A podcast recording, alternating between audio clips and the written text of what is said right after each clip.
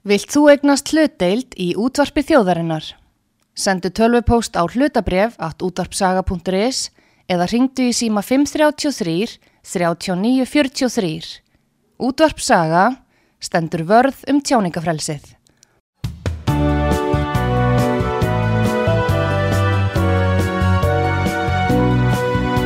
Sýteðis útvarpið á útvarpisögu í umsjón Arnþróðar Karlsdóttur.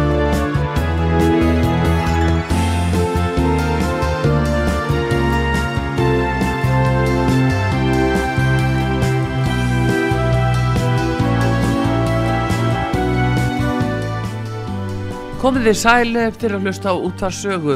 Artrúðu Kallstóttir heilsar ykkur. Ég ætla að fjalla um meðiramál sem að gekk fyrir skömmu í hérastómi Reykjavíkur en uh, Huginn Þór Gretarsson, uh, barnabókahöfundur og útgefandi, hafðaði meðiramál gegn finskri bar barsmóðu sinni og var að tapa því máli fyrir hérastómi Reykjavíkur. Hann er afar ósáttur og hérna Við skulum heyra hvað það er sem að, að hann hefur um þetta mál að segja en uh, þau hafa meðal annar staðið í forræði steilu. Eyvind rétt og góðan dag, Huginn Þór, velkomin út á sögu. Já, góðan og blessaðan daginn. Heyrðu, þetta mál á sína forsögu. Já. Þið, þú og þessi finska kona, þið eigið vatn saman. Jú, jú. Um, kannski rétt að fara yfir tengt kannski meðirðamálinu þá hafði ég unnið fjögur meðirðamál í hérastómum og uh, í öllum tilfellum hafðu aðeinar borið upp á mig hegningalega brot og, og gáttu ekkert fært máli sínu, uh, fram máli sínu til stuðnings Já. og voru dæmdir fyrir meðirði og, og var það þá um, uh, vegna þess að þeir uh, sökuðu þig um uh, refsiverða hátt sem Já Akkurát og, og þetta kemur sko þetta, það sem gerist er að basmáðu mín eftir að hún er dæmd fyrir brotnám barns í Finnlandi já, og er færð með barnið til Íslands að þá byrjar hún skipulega áróðusherferð gegn mér. Og þetta uh, í rauninni hefst bara þarna nokkrum dögum fyrir fórsjálfmál mm. og hún ber upp á mig mjög alveglega sakir og ég í fyrsta skipti í bara stefnu til domstóla í fórsjömálinu ja. að ég er sakaður um alls konar ofbeldi en svo hefur hún þessa uh, herrferð ofinberlega og, og gerir bara mjög markvist hún hóta mér fyrst segir að hún munir rústa mannorðið minnu mm. og gefur mér tækifæri á að uh, leifin að rífa barnið í börtu sem ég hafna og eftir það þá byrjar hún með ásakanir og, og málar upp í rauninni bara uh, skelvilega hrotta, ofbeldismann uh, einstakling sem er að rústa lífinnar, stjórna öllu í hennar lífi og ber upp einhver ákveðna sögur og svona í fjölmiðlum og segist alltaf að vera andlit kúaðar að kvenna þegar hún fer í stóra fjölmiðla eins og stundina og rúf og ég fekk aldrei andmælaritt þeir neituð mér um að svara þessi fjölmiðlar. Og ég sendi gögn sem síndu að þetta er ósatt ég síndi að hérna, þetta, þetta var allt annað upp á teningnum en þeir neituð mér um andmælaritt Neitar, uh, sko þeir neitað þeir um andmælaritt mm. eða að leifa þeir að svara mm. á, í sama miðli. Eh, leitaður til fjölmjölanemndar út af því? Ég gerði það laungu síðar og uh, þeir telja bara það sem ég, uh, ég náttúrulega í andmælu mínum þá, þá bend ég á lögbrot hennar og, og svo framvegs ja. og þeir vildu meina sko hún má fara þann í fjölmiðl og ber upp lögbrot mér og lögmönnum mínum og svo framvegs en fjölmiðla nefnd, hún tók reynda málið ekkit til skoðun og sagði myndi ekki halda áfram með málið. En þeir töldu að, að, að ég í raunni ætti ekki rétt og handmælarétti Nei, að sögðu þeir að þú ættir ekki rétt á að fá að svara í sama fjölmili mm. á sama stað Já, og... að því að ég í raunni, það sem, sko, það sem einstaklingu gerir, segjum mm. einstaklingu sem er borin raungum sögum og það borið upp á mjög alvarlegt ofbeldi og fleira, Já.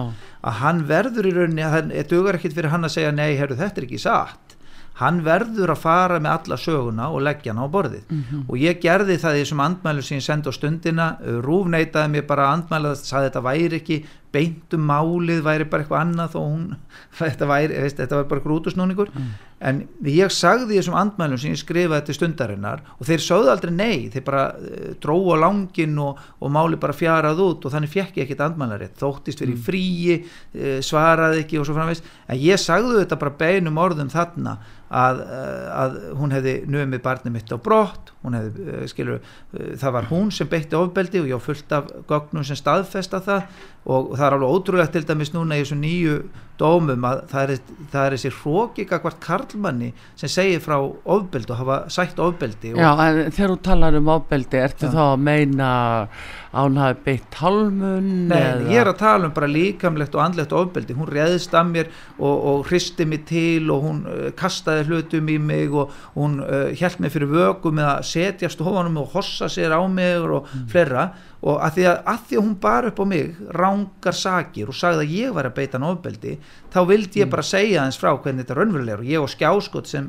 sem staðfesta þetta sem staðfesta mm. það sem ég er að ræða og segja henn að hætta þessari hegðun og, og, og, og er að benda hún er að tala um að hún sé að missa skap og segja mér að brenna í helvíti svömmu skilabóðum og svona mm. og þetta er allt staðfest með gögna það er ekki einasta gagn sem staðfestir hennar ásakanar Byrtist þetta á ofinbeglega? Nei, þetta ja. byrti ég aldrei ofinbeglega en ég lagði þetta fram til domstól og þeir hafa mm. algjörlega hunsað þessi málsköp og kannski svona að þessu meðramálum að, að ég, hana, þessi meðirði, þessi fyrstu fjóri dómar sem ég vann og, og þetta fólk sem réðist á mig það var að fylgja eftir þessum áróðri sem hún hóf í stundin og rúf Já. hún byrjaði að ráðast á mig hún byrjaði að segja fólki í tölvupóstum og skilabóðum að ég væri ofbeldismæður, mm. hún fór á fjöldafund í, í, á tungötu held ég að sé 13 í kvennaheimilinu mm. og held þar tölu og, og fólk hún skipulaði þetta það vel að hún fekk fullt af fólki til að ráðast á mig og svo mm. þegar þetta fólk er uh, krafið um svör þá hefur það ekki svör það, það á, hefur ekkit sem, sem staðfestir þetta og hún var með þess að byggja um að koma og gefa skýslu í einu málinu allavega mm -hmm. og hún neytaði því, hún, barsmáðu mín hún þorði ekki að koma og svara og, og gefa vittnisspörð um eitthvað þessu væri rétt að því að hún var mm. búin að blekja domstóla með mm. raungum ásökunum, hún var búin að ná forsjá barsins og hún held þessum brotum áfram, tálmannabrotum og fleira í mörg ár og staðfest að staðfest í landsreitt, hún sé að vinna gegn hagsmunum bars, það var staðfest í Finnlandi í domstóli, domstólum að vera að vinna gegn hagsmunum bars, en það breytir engu, hún fær að komast upp með þetta og, og hún neytar svo að koma og, og, og standa við þessi fyrir umæl hún hætti þessum árásum um leið og náði forsjá barsins og hafði blekt domstóla á almenning um, Hversu lengi hafði þessi talmun sem þú ert að lýsa hvern, mm. hversu lengi hafði hún staðið? Já þetta hefst í raun aðeins áður hún hótaði mér að koma ekki aftur með batnið frá Finnlandi mm. meðan við vorum saman uh, hálfa ári síðar þá heldur hún batninu í Finnlandi eftir að vera dæmt fyrir eh, brotin og að barnið að vera snúið aftur þá heldur hún brotunum áfram hún fer höldu höfði hérna á Íslandi mm. og ég þvingaði til að sættast á eitthvað tímaböndið fyrirkomulegum að hýtta barnið lítið mm. en ég var lögheimilisforeldri og hérna og síslum að blekti mig. Þeir sáðu að þetta er endur skoðað í fyrsta sáttafundi. Þeir brötu lög og held ekki sáttameðferð. Þannig að ég satt uppi með þvinga fyrirkomulag mm. sem hún virti síðan ekki heldur. Í hálft ár sagði hún ítrekka, það var eitthvað 20 vottor frá læknum, þá sagði hún ítrekka að barni var alltaf veikt. En svo þegar ég skoðaði sjúkraskrá, ég var lögheimilisforeldri barsins, Já. þá var það ekkit veikt það var bara fríst og læknar hafa staðfest í, í svari að ekkert umrætra vottorða gaf tilefni til þess að, fellanur umgengni en hún tálmaði áfram. En samt fekk hún fullan stöðning frá íslamskun domstólum því þetta er bara góðkent hérna á Íslandi. Svona, og ég var náttúrulega lögheimlisforeldri og ég átti alveg, að, ég hefði geta beitt sömu ótugtar aðferðum halda barninu hjá mér og eitthvað svona. En þetta á ekki að líðast og það á ekki að vera þannig að íslenski domstólar verðlunni mannesku fyrir barsrán og verðlunni mannesku fyrir tálmanir. Því svo segja er hún fær forsjá að, og, og þeir tala um þetta ofbeldi sem ég hafa beitt enni þrátt verið að hún var búin að draga þær ásakarnir tilbaka, mm. þá verður dómarar óupplýstur um það, en svo segja þær í fórsendu sínum að hún fái forsjá einn að því að hún sem búin að vera meira með barnið, þannig að það, hún er velunu fyrir að halda barninu ólögulega í Finnlandi og hún er velunu fyrir að halda barninu ólögulega hér á Íslandi eftir komuna, mm. þetta er ólíðandi. Það á ekki vera þannig að einstaklingu sem er þólandi þess nýðs að barninu hans er rænt að honum er refsað og sko lögbrotin í gegnum þetta málsmeðferð eru alveg ótrúlega og, lögmenn mínir bentu á það mm. fullum fetum, bent og lögbrot dómara sem dóm, lögmenn gerir þetta ekkert að gamni sínu þannig að og ég hef gaggrind dómara fyrir þessi lögbrot og fyrir það veitast þeir núna að mér og svifta með engalífsvend og það er það kannski það sem gerist fjórðamáli sem ég vann í héradi þegar ég var áfríða til landsréttar Já. og það var gegn Eliassi Haldóri það er annar mál. Og dómar að nota það gegn mér segja að ég hef verið að gaggrína síslumann fyrir að brjóta lög að ég hef verið að gaggrína dómara og þeir svifta með enga lífsvend þetta er grundvallar réttindi tryggði í stjórnarskrá Íslands og það segir í mannréttindasáttmála Evrópu að ríkjum er bannað að svifta einstaklinga grundvallar réttindum þetta er bara ólöglegt, þetta er mannréttindabróð Þú ert að meina friðilgi eittalífs og, og heimilis. þeir, þeir fullir það fullum fetum að því að ég gaggrindi dómara og síslumann staðfesta brotera að þá megi orði kalla mig ofbeldismann sem stennst bara enga skoðun mm. þannig að vera sko, svifta með tjáningafrelsi mm. að vera svifta einstakling sem er þólandi barsráns sem er þólandi óréttláttrar málsmeðferðar í domstólum það vera svifta hann tjáningafrelsi og svifta hann þar af leiðandi engalífsvend út af því hann tjáði sig og bent á lögbráð dómar og það er mikilvægt að horfa það, ég ætla bara að nefna það dæmi hvað dómar eru tilbúin að ganga langt í í rángtúlkunum og, og vísvitandi uh, sko, afbökun staðreinda. Að þessi maður Elias Haldór hann kallar pólitiska anstæðingar sína nazista og svo segir hann í öðrum ummælum að það er að berja nazista til að koma í veg fyrir að skjóta og síðar. Hann kallar andfeminista nöðgara og hann kallar mig ofbeldismann. Þetta er sko og barnanýðinga kallar hann einhverja aðra og svona. Hann stundar þetta hann kemur fyrir dóm og er dæmdur fyrir meðirði þar sem hann segir að fullta konum hafi sagt honum þetta en neytar að segja hverja þær eru og bara er að ruggla eitthvað í dómsal mm -hmm. svo er svo áfríða til landsrættar og það er ekki nómið það að hann, hann, sko, hann segir tvær ólíkar aðrar sögur af því hvernig þessi ummælur eru tilkomin, hann býtir sem sagt samtals þrjár lígasögur -hmm. um það sem að ég réttleita þessi ummæli hans en hvað gerir landsettur? Landsettur segir, jú, e, í þínkaldi spurðu nánar út í þetta þá breytta hann framsögu sinnu og segir þetta. Mm. og þeir sjá hann er að ljúa en hvað segja landsrættadómarar? Þeir segja, herðu jú, hann er í góður í trú með umælinn sín. Þetta er niðurstað þetta Já, það ráttur að hann breyti og breyti og breyti. Ítrekað og, og ekkert leggur hann fram málu sínu til stöðnings mm Og, og, það er gott fyrir lígar að vera í góðri trú alltaf þegar þeir breytum sögur það, þetta, þetta, er svo, þetta er svo rosalega mm. förðulegt að maður er, maður gapir og þetta ástundar og svo kemur auðvitað í ljós að einn dómari sem setur þannig í landsetti Ingemyndur Einarsson mm. að hann er bróðir dómari sem ég hef sakað um lögbrótt í forsjómálinu, Ingveldur Einarstóttir mm. og hann notar það sem málsástaðu að ég sé að gaggrina dómara sé að gaggrina sýstur hans þannig að þannig er komið auðvitað gríðaleg svona eh, áraugstur, hagsmunna áraugstur gríðalegur og ég bara, maður bara skilur þetta ekki það á ekkert að vera hægt að blanda einhverju ótengdum ummælum mínum um dómara við það að megjörði kalla mig ofbeldismann mm -hmm. en mhm. til að geta dæmt eftir geðþóta þá gera er þetta og, og kannski þessi landsrættadómur er mikilvægur að því að síðan byggir þessi nýji dómur þar sem ég hérna stefni basmóðum minni fyrir 14 ummæli sem Já. er ósönn hann byggir bara á því að það megjórið kalla mig ofbeldismann og ég ætla kannski að þess að fjallum þennan dóm Já. og hann er mjög sérstakur það sem er að gerast er það að basmáðu mín þegar reynda stefnaðinni til að láta hann að svara og ábyrgjast sko ákveði stjórnarskar á Ísland segir að við njótum tjáningafrelsis en við mm. verðum að ábyrgjast ummælinn fyrir dómi mm.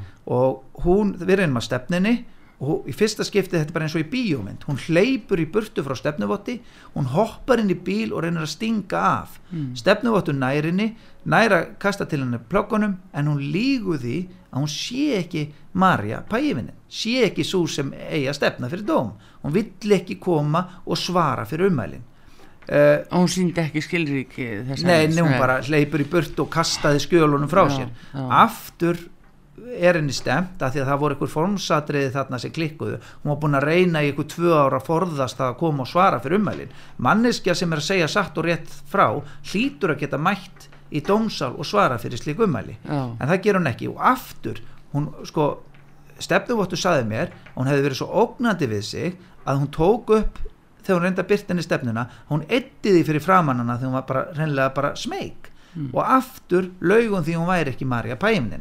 og þetta er svolítið mikilvægt að hafa í huga ekki bara er hún að forðast að svara fyrir ummælið sín heldur e, á hún ekkit erfitt með að segja ósatt frá. Og í, í tögum atriða fór ég yfir í dómsal hvernig hún segir ósatt frá. Hvernig hún blekkir stefnuvotta hvernig hún blekti dómara hvernig hún blekti lögreglu og hvernig hún hérna sagði ósatt frá. Og þessi 14 ummæli ég fór yfir það og síndaðu var ósönn Já, ef við aðeins af því að dvaf.is mm, uh, tekur þetta mál upp í dag og, og hérna þeir uh, segja frá því hvaða ummæli þetta eru. En hvað er það sem þér finnst standa svona hæst í því? Hvað er það sem meiðir þið mest?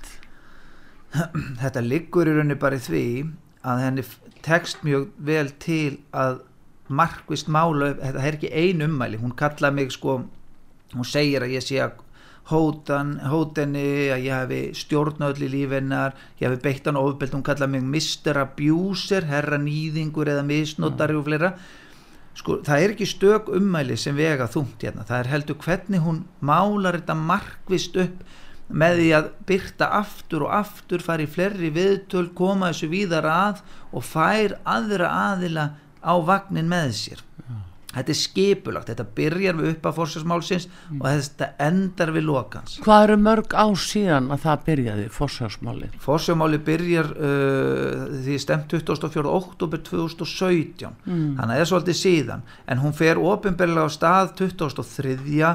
desember mm. sama ár, í nóvember hótaði mér að hún myndi rústamann orðið mínu og svo lætur hún verða að því mánuði setna og hún fór þarna með áróður í gang og sagði að um, ég hefði uh, beitt hana slíkum hótunum og, og verið ógnandi og með ofbeldishægðun að hún hefði þurft eftir komuna til Íslands að flýja inn í atkvarfið en nota beðinni á þessum tíma var ég engum samskiptum, beinum samskiptum við hana Uh, hún hafi krafist í skilabóðum við öll samskipti verið með tölvupostum og hún segir í einum ummælanum sem krafist var ómerkingar á að ég hefði sendt inn hótanir tölvuposti en hún sendir ekkit einasta gagn til domstóla ekkert sendir hún ekkert ja. og ég síndi, hún saði ég hefði hringti sig og áreitt sig. Ég sendi símtalaskrá, ekkit einasta símtal. Þannig ég sanna þetta ósönnu ósönnu um en var hún ekki beðin af dómara að leggja fram sannanir hún var beðin um að mæta til að gefa skýslu í dómi en hún mætti ekki. Og hún lagði ekkit einasta gagn. Og þetta er svolítið alvarlegt.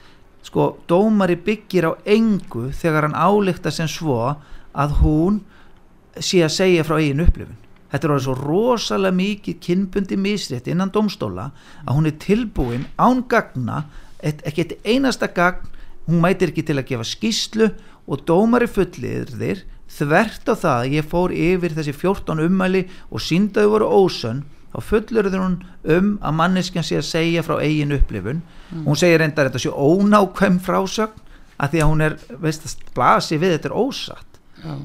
Og mér langar að benda til dæmis á sko þetta er að því að ég er karlmaður og hún er kona. Það er nýlega fallin dómur þar sem karlmaður er dæmdu fyrir mjög væg ummæli í svona tálmannamáli þar sem hann er að segja frá sinnu upplifun og að sé, kona sé hættuleg barninu, hann er dæmdu fyrir meðirði en að því að ég er kallmaður og hún er kona og jafnvel þó ég sína fram á umælinu ósönn þá fær hún að bera þau upp fullum fetum. Og, og ég síni líka fram á að þetta er skipulega gert hún markvist kemur því kemur öðrum Uh, inn í þetta mál og, og, og, og segir að ég sé ofbeldismæður og það byrjar að bergmála mm. og endur óma þetta út um allt internet Ef þú hugsa aðeins eh, um það huginn þór mm. sko, bara þetta að vera kallaður ofbeldismæður mm. og þessi dagstaglega notkun orðinu ofbeldi. Að fólk svona skilur það það er allavega svona skilningur all flestra hérna á Íslandi að, að þá sértu meira að minna beita einhverju líkamlegu ábyldi það er fyrsta hugsunni sem kemur upp. Mm. og uh, er verið að gjaldfella þetta orð, þessa notkun?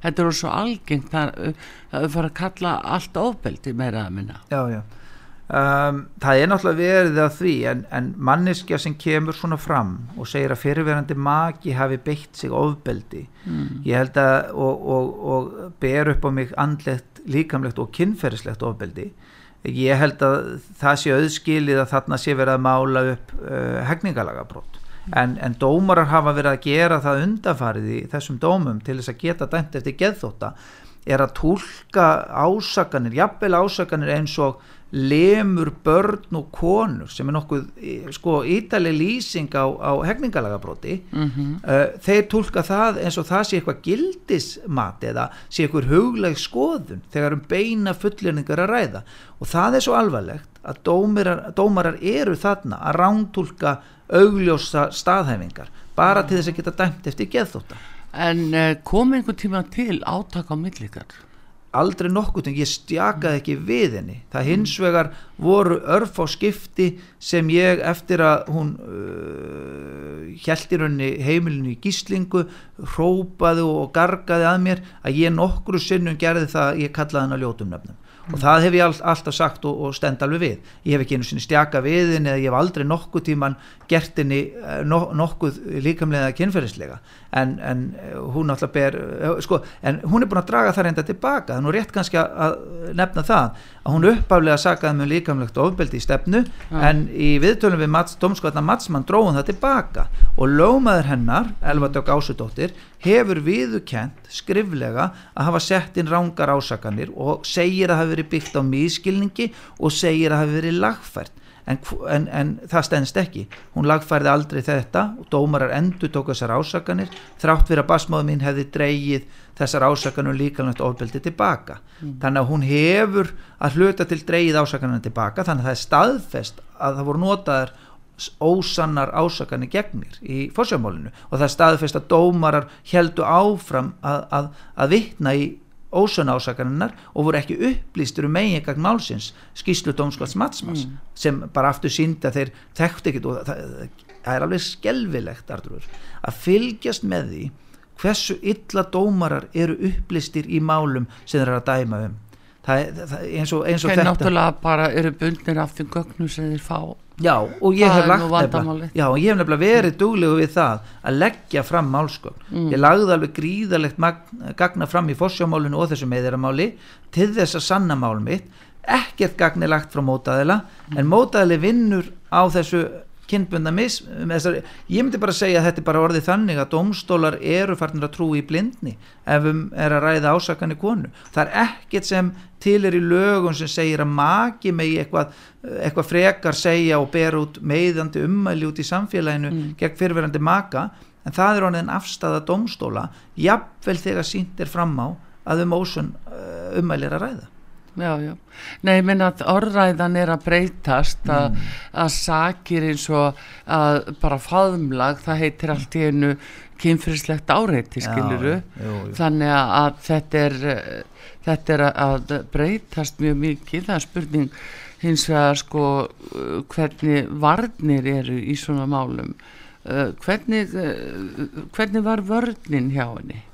í réttinum já eins og ég segið það, var, það voru engin gögn send inn til þess að styðja viðmælin það var bara þetta að hún væri að tjá sig af eigin upplifun svo mætur hún ekki sjálf mm. vill ekki svara fyrir umælin uh, ég síni fram á að hún er uh, búin að gerast þarna uh, segum ymsalegar uh, mm. og, og það virðist bara samt þrá, sko, ég hef miklar áhyggjur af þessu ef dómarar eru tilbúinir að dæma á nokkur að gagna og fullir það ángagna mm. og oft fullir það án þekkingar um mál, málsatrið og, og gagn máls að þá hef ég bara, ég hef áhyggjur af, af alvarlegri domsmálum, hvað er þetta smitast út í, í, í morðmáli er þeir, eru menn bara farnir að ætla hluti, já, herðu þetta bara þetta, þetta virðist vera svona eða, eða ég trúi þessu á þess að nokkuð sé lagt fram Já. og það ég hef áhyggjur að slíku réttakeru ég tel,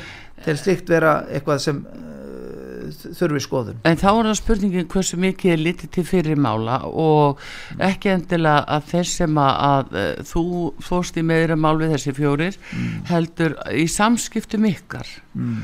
og uh, ef ég veit rétt á þór hún til fyrirlands með vatnið mm. Og þar vannstu mál. Já, ég vann brottnámsmál mm. og hérna uh, það var bara staðfest með afgerandi gögnum, það lág fyrir hjáttning hennar sjálfrar mm. á því að uh, við höfum aldrei rætt að hún væri það núti en hún, og meiris að á þeim tímapunkti hafði ég ekki fundið gagnið þar sem hún hótaði mér að, að, að brjóta af sig með þessum hætti og í framhald að því og hún hafði mér þess að falsa og það er staðfest, finska þjóðskráin hefur sendt mér gögn sem staðfest að hún falsaði uh, skráningu inn í landið með því að segjast vera eina forsjálfóreldrið og þetta, þessi, þessi rosalega saga um ósanindi, um hversu auðvelt hún á með að blekja yfirvöld. Dómarar hunsa þetta. Veist, dómari ber að meta trúverðuleika aðila í máli. Mm. og þrátt fyrir að maður síni fram á svona sögu þá, þá hunsa þetta og, og, og þarna í þessu máli þá vann ég og, og barnið átt að vera fært til Íslands Já. en ég fekk ekki að fara með það til Íslands því, því það var hún eitthvað að hluta vegna þá tók eitthvað við eitthvað svona kvenleg stjórnsísla eða kynbundi misrætt inn á stjórnsíslu í Finnlandi sem samþýtt að hún færi með barni til landsins og þá held hún bara áfram að brjóta. Já, hún kemur sem sagt, fylgir þeim dómi mm. kemur til landsins aftur til þess á að þú hefðir rétt á því að umgangast barni eða barni þig öllu heldur. Mm. Hva, hvað svo, bara, svo vissi ég ekkert hvað hún var og hún held bara áfram að halda því ólöglega og, og svo framvegs en hún náttúrulega fór ekkert að fór frá sem vilja hún var færð í löguruglufild frá Fílandi þannig að en uh, sko og svo er svolítið skrítið. Þarna er staðfest með dómi þetta brotnám og mm. að hún svifti lögheimilsforeldri Forsjá Barsins ég kæri hana fyrir þarna þessi lögbrot hérna á Íslandi. Mm. lögregla sendi málið áfram til ríkissaksóknara en ríkissaksóknari eh, vísa málinu frá með vísan í gögn sem finski domstólar segja tengist málinu ekkert. Já. og hún sjálf hafi játað að tengjast málinu ekkert. Þetta er staðan, vandin er sá og ég hef reynd að leita réttlæti svíða en það ég kem alls það að lokuðum dyrum, það er vilja leysi til að taka á lögbrótum í svona málum. Og það er algjörlega staðfest hún braut þarna lög og þarna, þeir vísuði frá á gögnum sem tengdust málinu ekkert að þeir vildi ekki taka á málinu Lörgla sendi þetta mál áfram en, en því var vísa frá Þannig, og ég hef líka, það er annað dæmi allt í lagi að ræða þessi mál að því að, að því við erum að ræða hvernig hún hekar ekki við að, að blekja yfirvald að ég kærða hana líka fyrir ranga sakagiftir mm -hmm. og ég sendi gögn inn Hvert kærður það? Til Lörglu hvernig, hvernig meðferð fekk það mál? Ég get sagt þið það að þegar ég var kallaður inn fyrst hún hafði gert það sko að kæra mig þarna einhverjum einhvernum sex stögum fyrir fórsjámálið þá kærðum mig fyrir eh, ofbeldi til mm. lögreglu mm. og bara til að geta lagt inn í fórsjámálið mm. og ég mæti og það því lík uh, eh, læti frá yfirhyslunu og ég fæ svoleiðis að heyra það og, og ég bara svara spurningum og, og ég vissi ekkit þegar ég mætti yfirhysluna að sko að því hún er nefnilega margsaga í stefnu er sagt að ég hafi beitt hana einu kynferðisofbeldi en í lögreglu skýslu sagt að ég hef ítrekka beitt hana kynferðisofbeldi og þannig að ég hafði bara heyrt um eitt atvik og því líst þannig stefnu. Og svo bara allt innur ég kem ég á fjöllum og heyri allavegna lýsingar. Ég fyrir heim og ég finn samtöl að því að það vill hann til að við hittumst erlendis og fyrir og eftir þennan dag mm. eru, eru ítalið samtöl. Mm. og hún er að segjast ætla að nöðga mér, þetta, þetta er skriflega þegar við hittumst hana og svo þegar hana, ég farin þá segist hún hafa nöðga mér og ætla að nöðga mér aftur þegar við hittumst aftur. Og hún segist að það var notið kynlífsins herðu, ég hérna bara fer með þessi gögn til lauruglu og bendið um herðu býðu sjá hérna hérna er bara samtöl sem ofinbera þessa legar mm. og hérna og hvað heldur að, já já málunni vísa frá hérna hennar kæru ég kæra hann fyrir ránga sakagiftir mm -hmm. og lauruglan er með þessi gögn og, og lauruglan er svoleiðs með, með hérna púða, eða sko silki hanskan á hana og ægi og svona allt voðalega rólegt og notalegt mm. samanborið við það hvernig var gengið á mig með svoleiðis látum og hún er spurð út í þetta eina atriði. Ég laði fullt af gögnum fram um ranga sakagiftir herðu, hún segir bara herðu, ég bara ég, ég get ekki hafa að skrifa þetta að því þetta ofinbæra þetta er lígi og mm. hann, hann hefur bara hann hafði aðganga símanum minnum þannig eins og ég hefði verið að standa í samtali við sjálfa mig í gegnum síman hennar. Herðu, ég sendi á lögreglu uh, gögn sem sína að hún var á Ítalíu og ég var á Íslandi þegar hún er að skrifa sig ég hafði engan aðganga símanum hennar. Mm. breytir engu, lögregla gerir ekkit við þetta. Ég sanna hún að ljúa lögreglu og, og það er bara hérna en, engin áhuga á að taka á þessu. Enn og aftur hef ég sínt fram á að þetta er ósatt og hún er að gerist bara segum lígi og, og er að hana, mm. komast hjá því að sæta ábyrð og lögurlega gerir ekkit og þeir vísuðu málunum frá. Og þeir vísa uh, kærunu frá já. um rángarsakir það er hegningalafbrot já, já En, en, en þetta er einmitt svona hugið og sko, þetta er svolítið vandamál þegar fólk er að ljúa líka fyrir rétti mm. það eru rángasakir ja. og hérna þannig að þarna verðist vera einhver brotalöfum í rannsóknarferlinu gagvast mm. í að þetta sé virt sem, sem uh, sagnæmt aðtafi sko löguröglumæður sem ringdi mig upp af hann sagði mm. mig beinum orðum hann, að honum hefði verið sagt að láta uh, rángasakagiftimálið mæta afgangi og þetta er bara stemmingin sem var í gegnum ferli þeir hafa mm. engan áhuga á að rannsaka þetta upplýsa þetta. Ég sagði að þið getið haft samband við Facebook ég var búin að kynna mér það, þá getið séð hvaðan hún er að senda skilabóðin, staðfest að hún er að ljúað ykkur, engin áhugi. Þeir geta auðveldlega upplýst málið. Ég síndi flugmiða, ég síndi eh, myndi sem hún var að senda mig frá Ítalju ég hafði ekki aðganga símanum hennar. Þetta sannaði hún var að ljúa, engin áhugi. Málið látið falla niður hér á útvarpi sögu hugin Þór Gretarsson. Hann er barnabókahöfundur og, og bókaútgefandi en hann er að lýsa hér meðiramáli sem að hann eh, tapaði í hérastómi Reykjavíkur fyrir skammu það er tf.ri sem segir frá þessu máli ítalegi í dag. Nú við hér á sögu erum að ræða við hugin og, og reyna átt okkur á því hvernig svona mál verða til og hver er þá aðdraðandin því þetta er sprottið af tálmunarmáli sem er á milli eh, huga, hug, hugin og, og bassmóður hans sem er finsk og, og það hefur gengið á ymsu. Við höldum áfram eftir smástund.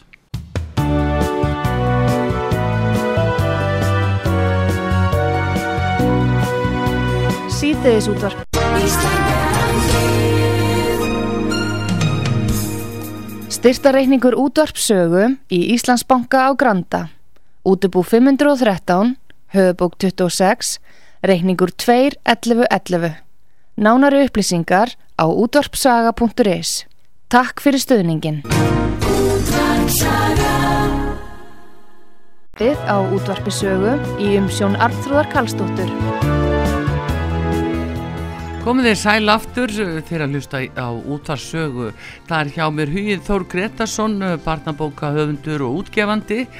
Ég er að ræða við hann um eh, meðaramál sem að hann hefur staðið í og reyndan eh, fleirin einu eh, sem tapast og önnur vinnast mm. eins og gengur. En Hugið, þetta snýr að basmóðurðinni sem er finsk og og hefur, henni var gert fyrir finskundónstólum að koma til Íslands með barni þannig að mm. þú fengir að umgangast það líka og barnið það og náttúrulega rétt á að få umgangast þið líka mm.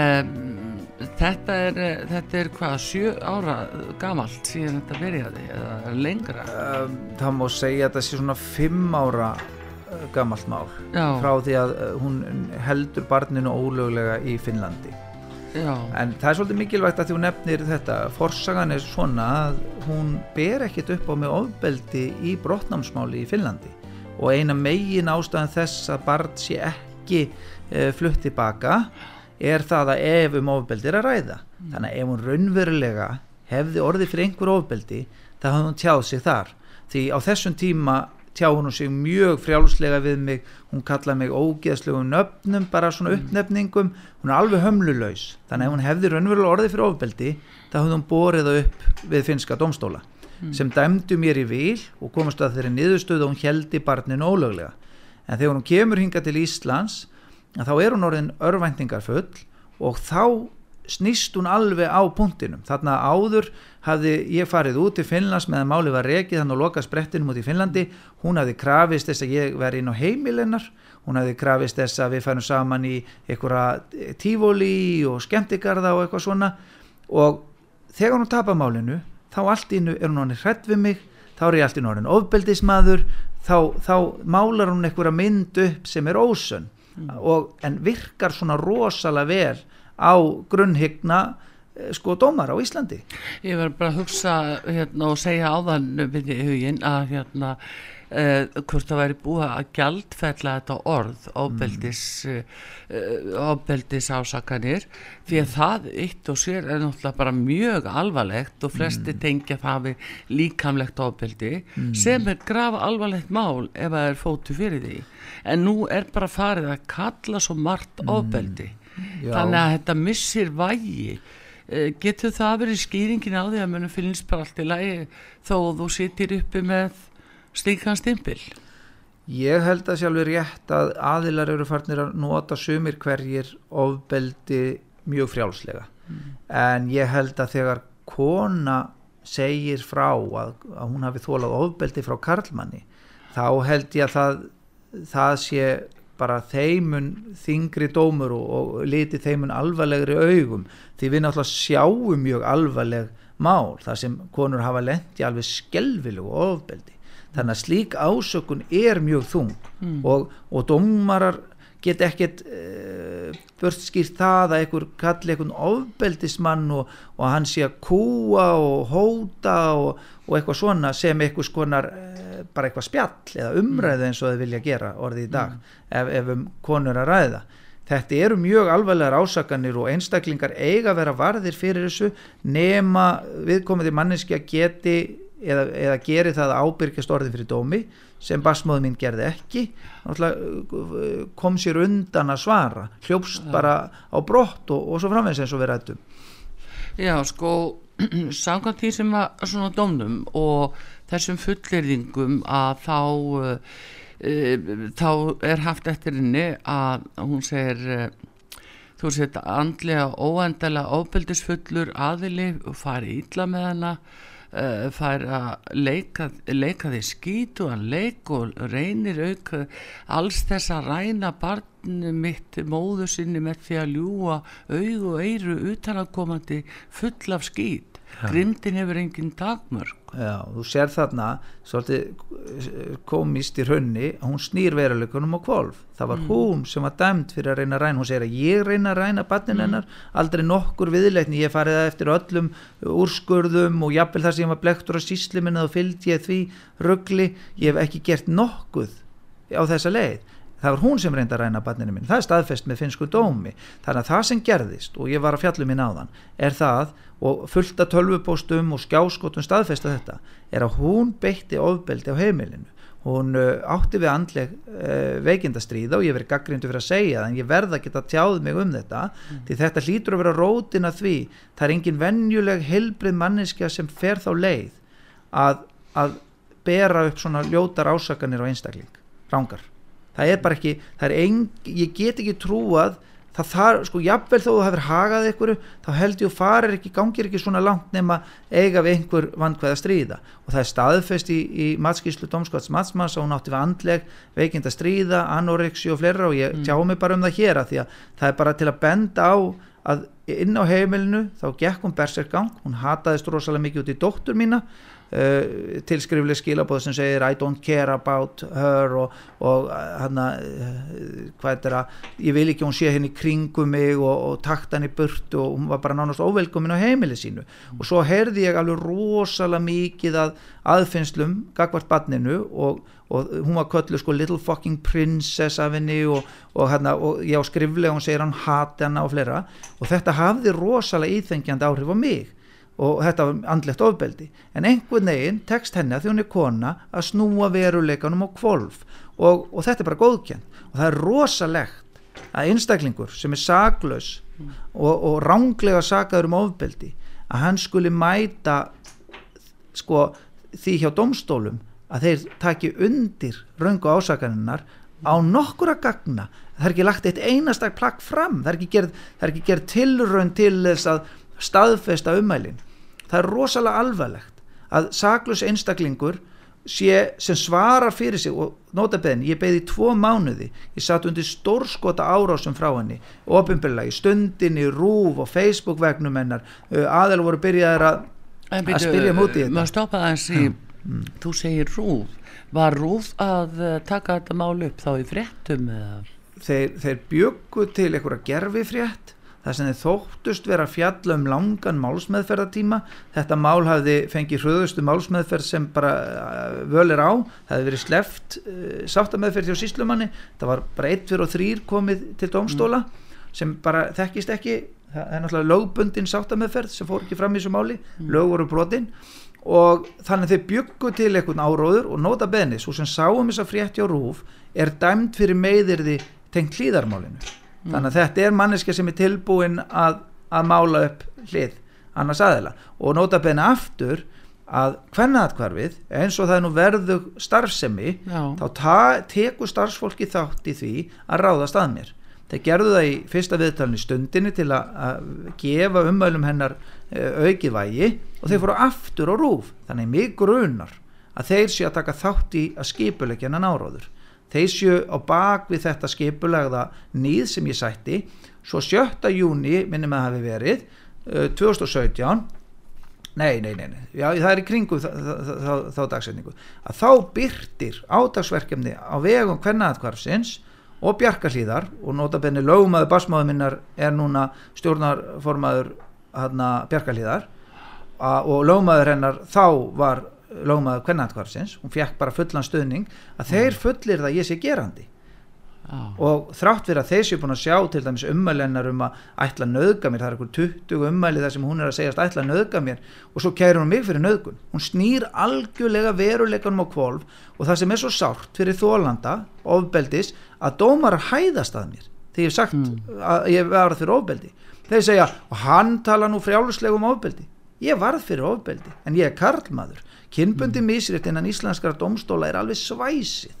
Það er bara þannig að þeir, þeir leifa allt aðra hluti gagvart kallmanni en konu. Það er nýlega, það er tveir, tveir dómaferðami þar sem konur uh, eru varðar fyrir meðirðum og aðeila sem eru með miklu vægar umæli eru dæmdir fyrir meðirði miklu vægari mm. og svo að því að ég er kallmaður og það er kona sem veitist að mér þá er það hlutað umræðu og nöðsilegt að komið fram og, og þetta þrátt fyrir að ég bara nefna fleiri dæmi, ég er búin að nefna nokkuð dæmi áðan um það að ég síndi með afgerandi hætti að þetta var ósönum umæli Uh, hún saði að ég hefði verið komin eftir dómin hann að finska um og hún heldi barninu ólöglega í Finnlandi Já. þá fullur hún þessa þverstæðu að ég hana, hafi verið komin til Finnlands og hafa ætlað að taka barnið og nefna það á brott það liggur fyrir að ég er nýbúin að vinna dómsmálum að eigi að koma til Íslands mm. uh, hún saði að það þurft að ráða vörð til að hindra þessi, þessi lögbrot ætluð hjá mér en svo sendi bara barnavind mér skilaboð, býðu mér á staðin þeir staðfesta með tölvuposti að það er ekkit, vörður er bara þarna á staðinum, það er ekkit verið að ráðan til að hindra ykkur lögbrót frá mér, þeir bjóða mér bara velkomin, Já. þannig að ég síni fram og enn og aftur á umælinu eru raung, dómar er alveg sama. Dóm, dómari, dómari án gagna og sko samkvæmt lögum, þar sem hún neytar að verða við því að koma og gefa skýslu fyrir dómi, þá getur dómari tólkað henni óhag en hann gerir það ekki, heldur þvert á það. Hann tólkar henni allt í hag þvert á sönnunagögn málsins þvert á staðrindir, þvert, þvert á það sem liggur fyrir að, og þvert á lög. Lög eru með þeim hægt á Íslandi að það er ekki lægi að bera upp eh, sagnæma hátsema á einstaklinga.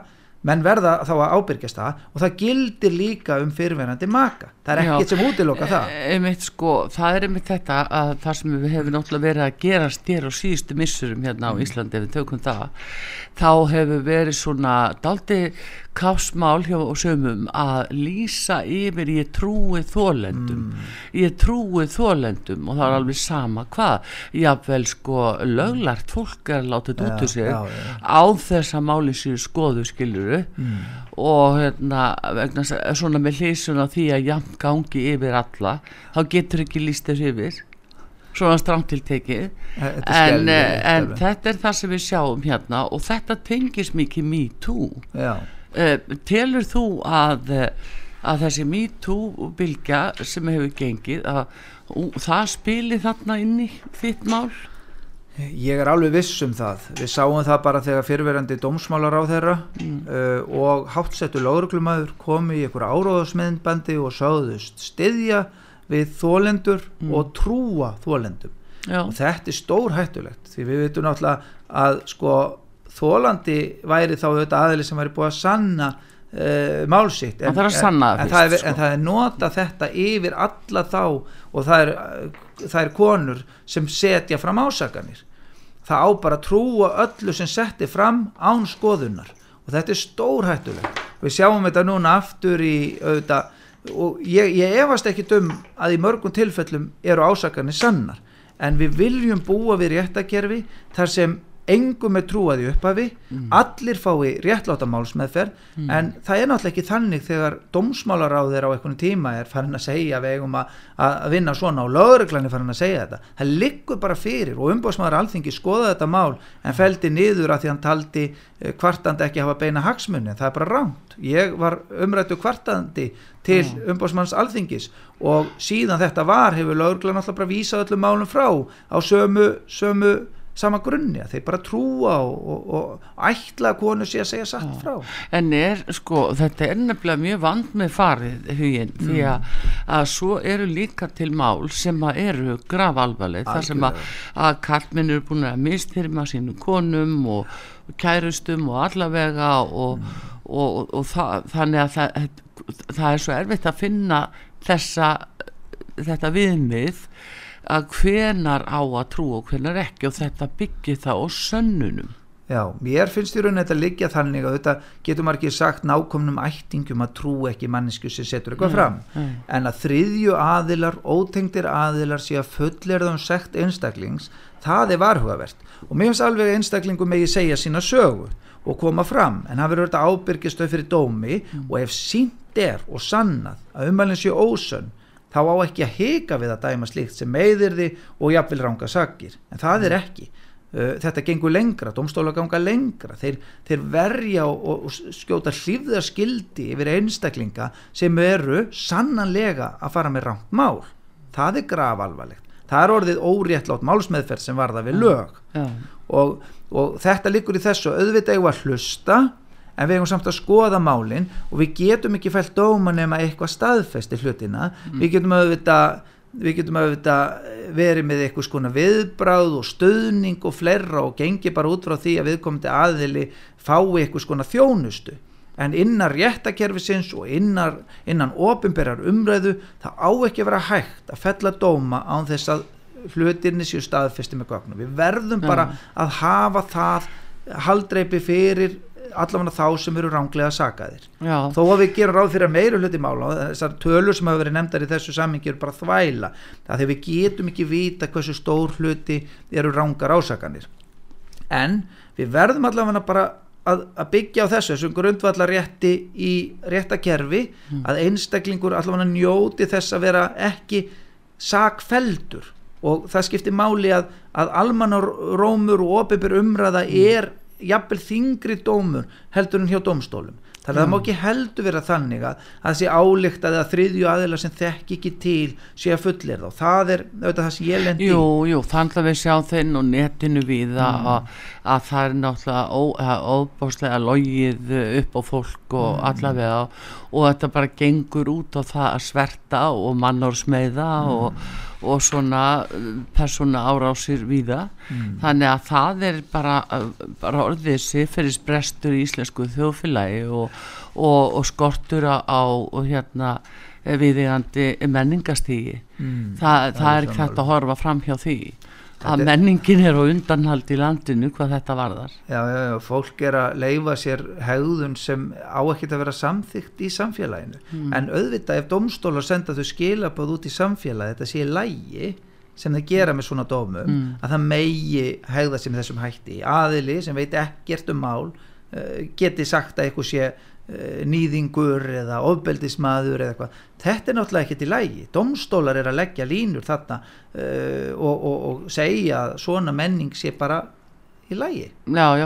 en nú er náttúrulega sko hérna hugi mm. að uh, þetta var hérastómur og það er einn mm. dómar ekki satt ja, þannig að allar að áfriða sig yfir á aðra já. Uh, þar ertu komið allavegna þrjá dómara í málið betur sjá augun auðar Já, en þetta kollega nábíli hér á Íslandi og, og samtrygging dómara og spilling, það er bara þannig að þeir nota orðið það sem málsástaðu hjá landsrétti að ég hefi gaggrind dómara.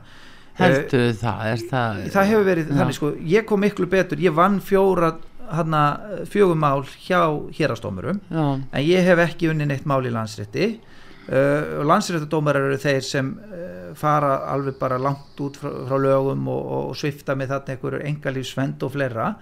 Uh, þannig ég hef ekkit voðalega því miður góða reynslu af landsrétti.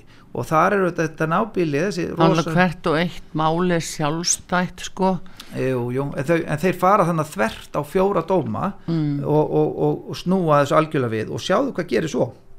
Eftir hennar landsréttadóm þá dómari sem hafi dæmt mér í vil Mm. í öðrum máli, hún dæmir gegn mér þetta er sami dómari þannig að hún dæmir skyndilega út frá fórsöndu landsréttar en ekki samkvæmt eigin sannfæringu og ekki samkvæmt lögum sem hann hafi vísað í þannig að, hún, þannig að þeir fylgja núna þessu, þessu fordæmi sem eins og við för, fórum yfir áðan Mm. að þeir ránglega segja að Elias Halldór sé í góðri trú þegar hann uh, lígur upp þremur ósönnum hann ástæðum fyrir umælum sínum.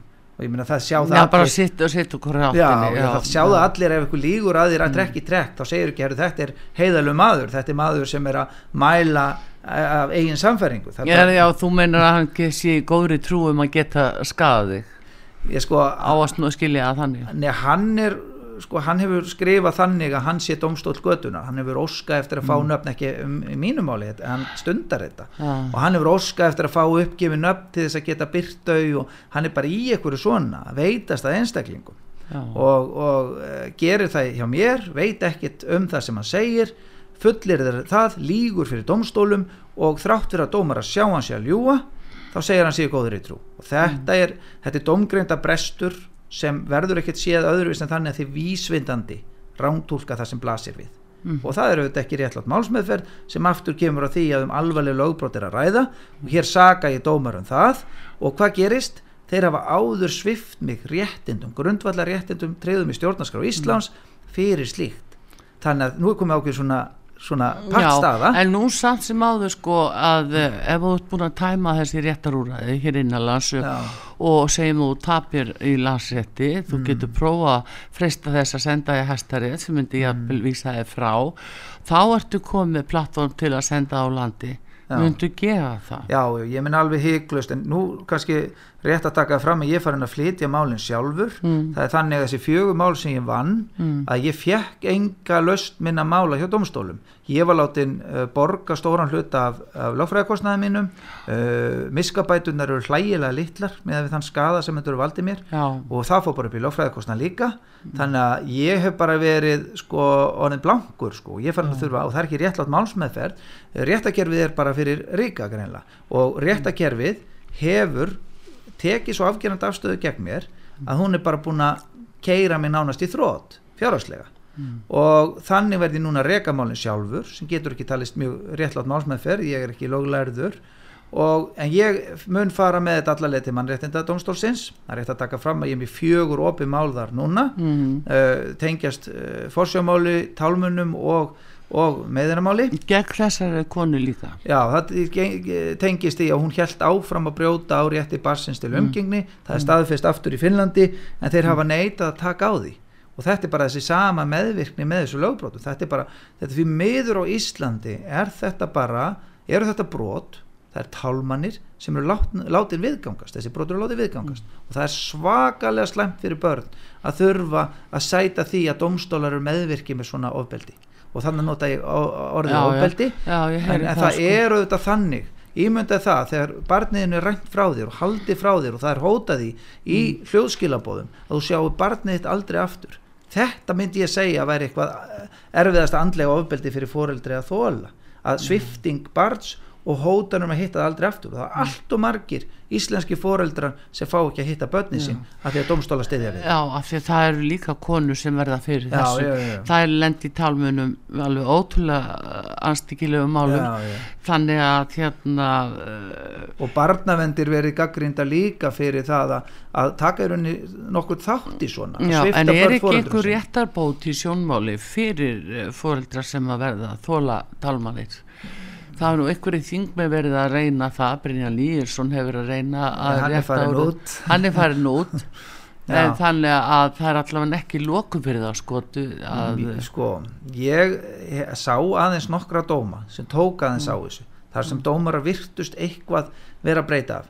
En miða við þessa kyn, þetta kynbundna misrétti sem ég er að sjá í þessum dómum og hvað er taka afgerandi afstöðu í því, þá ég er ekki alveg að sjá að við séum að mér finnst við ekki, við spólum eiginlega í sama hjólfærinu en þá Mér finnst við ekki vera það gríðalega sterkir hópar sem berjast gegn því að sé tekið á tálmunum að því að það er þá útrópað ofbeldi og eitthvað svona. Það, það er náttúrulega það algengasta sem er nota þegar svona tálmannir eru stundaðar að, að það er að bera upp ofbeldi.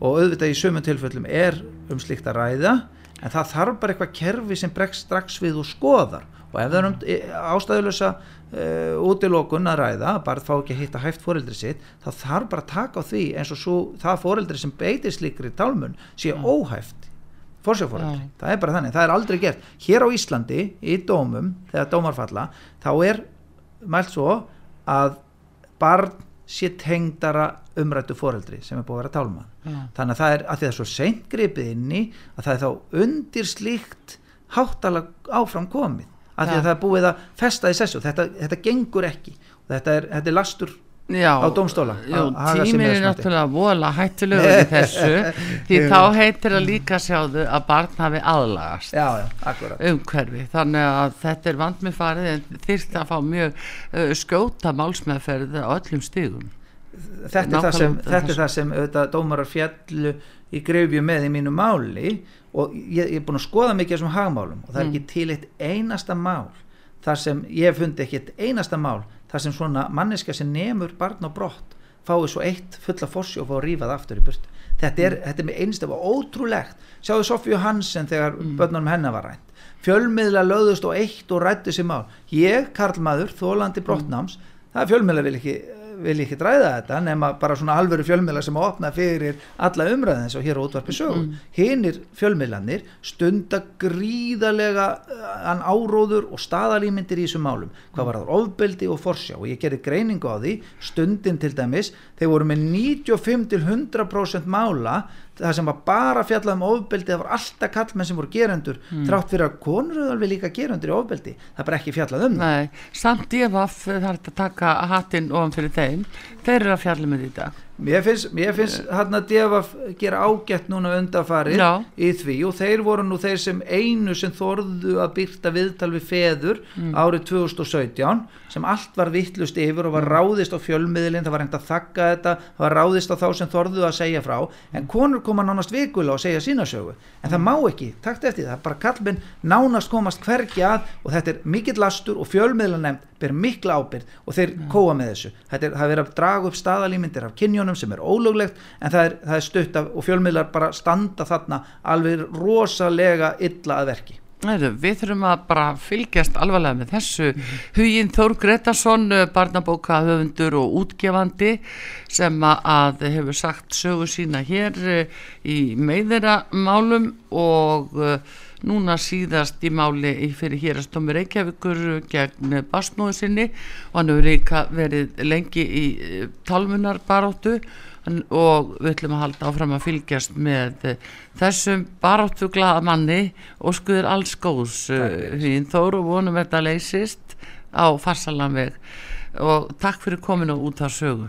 Takk hérlega fyrir. Artrúðu Kallstóttir þakkar ykkur fyrir. Taknum að Daví Jónsson í þessari útsendingu verið þér sæl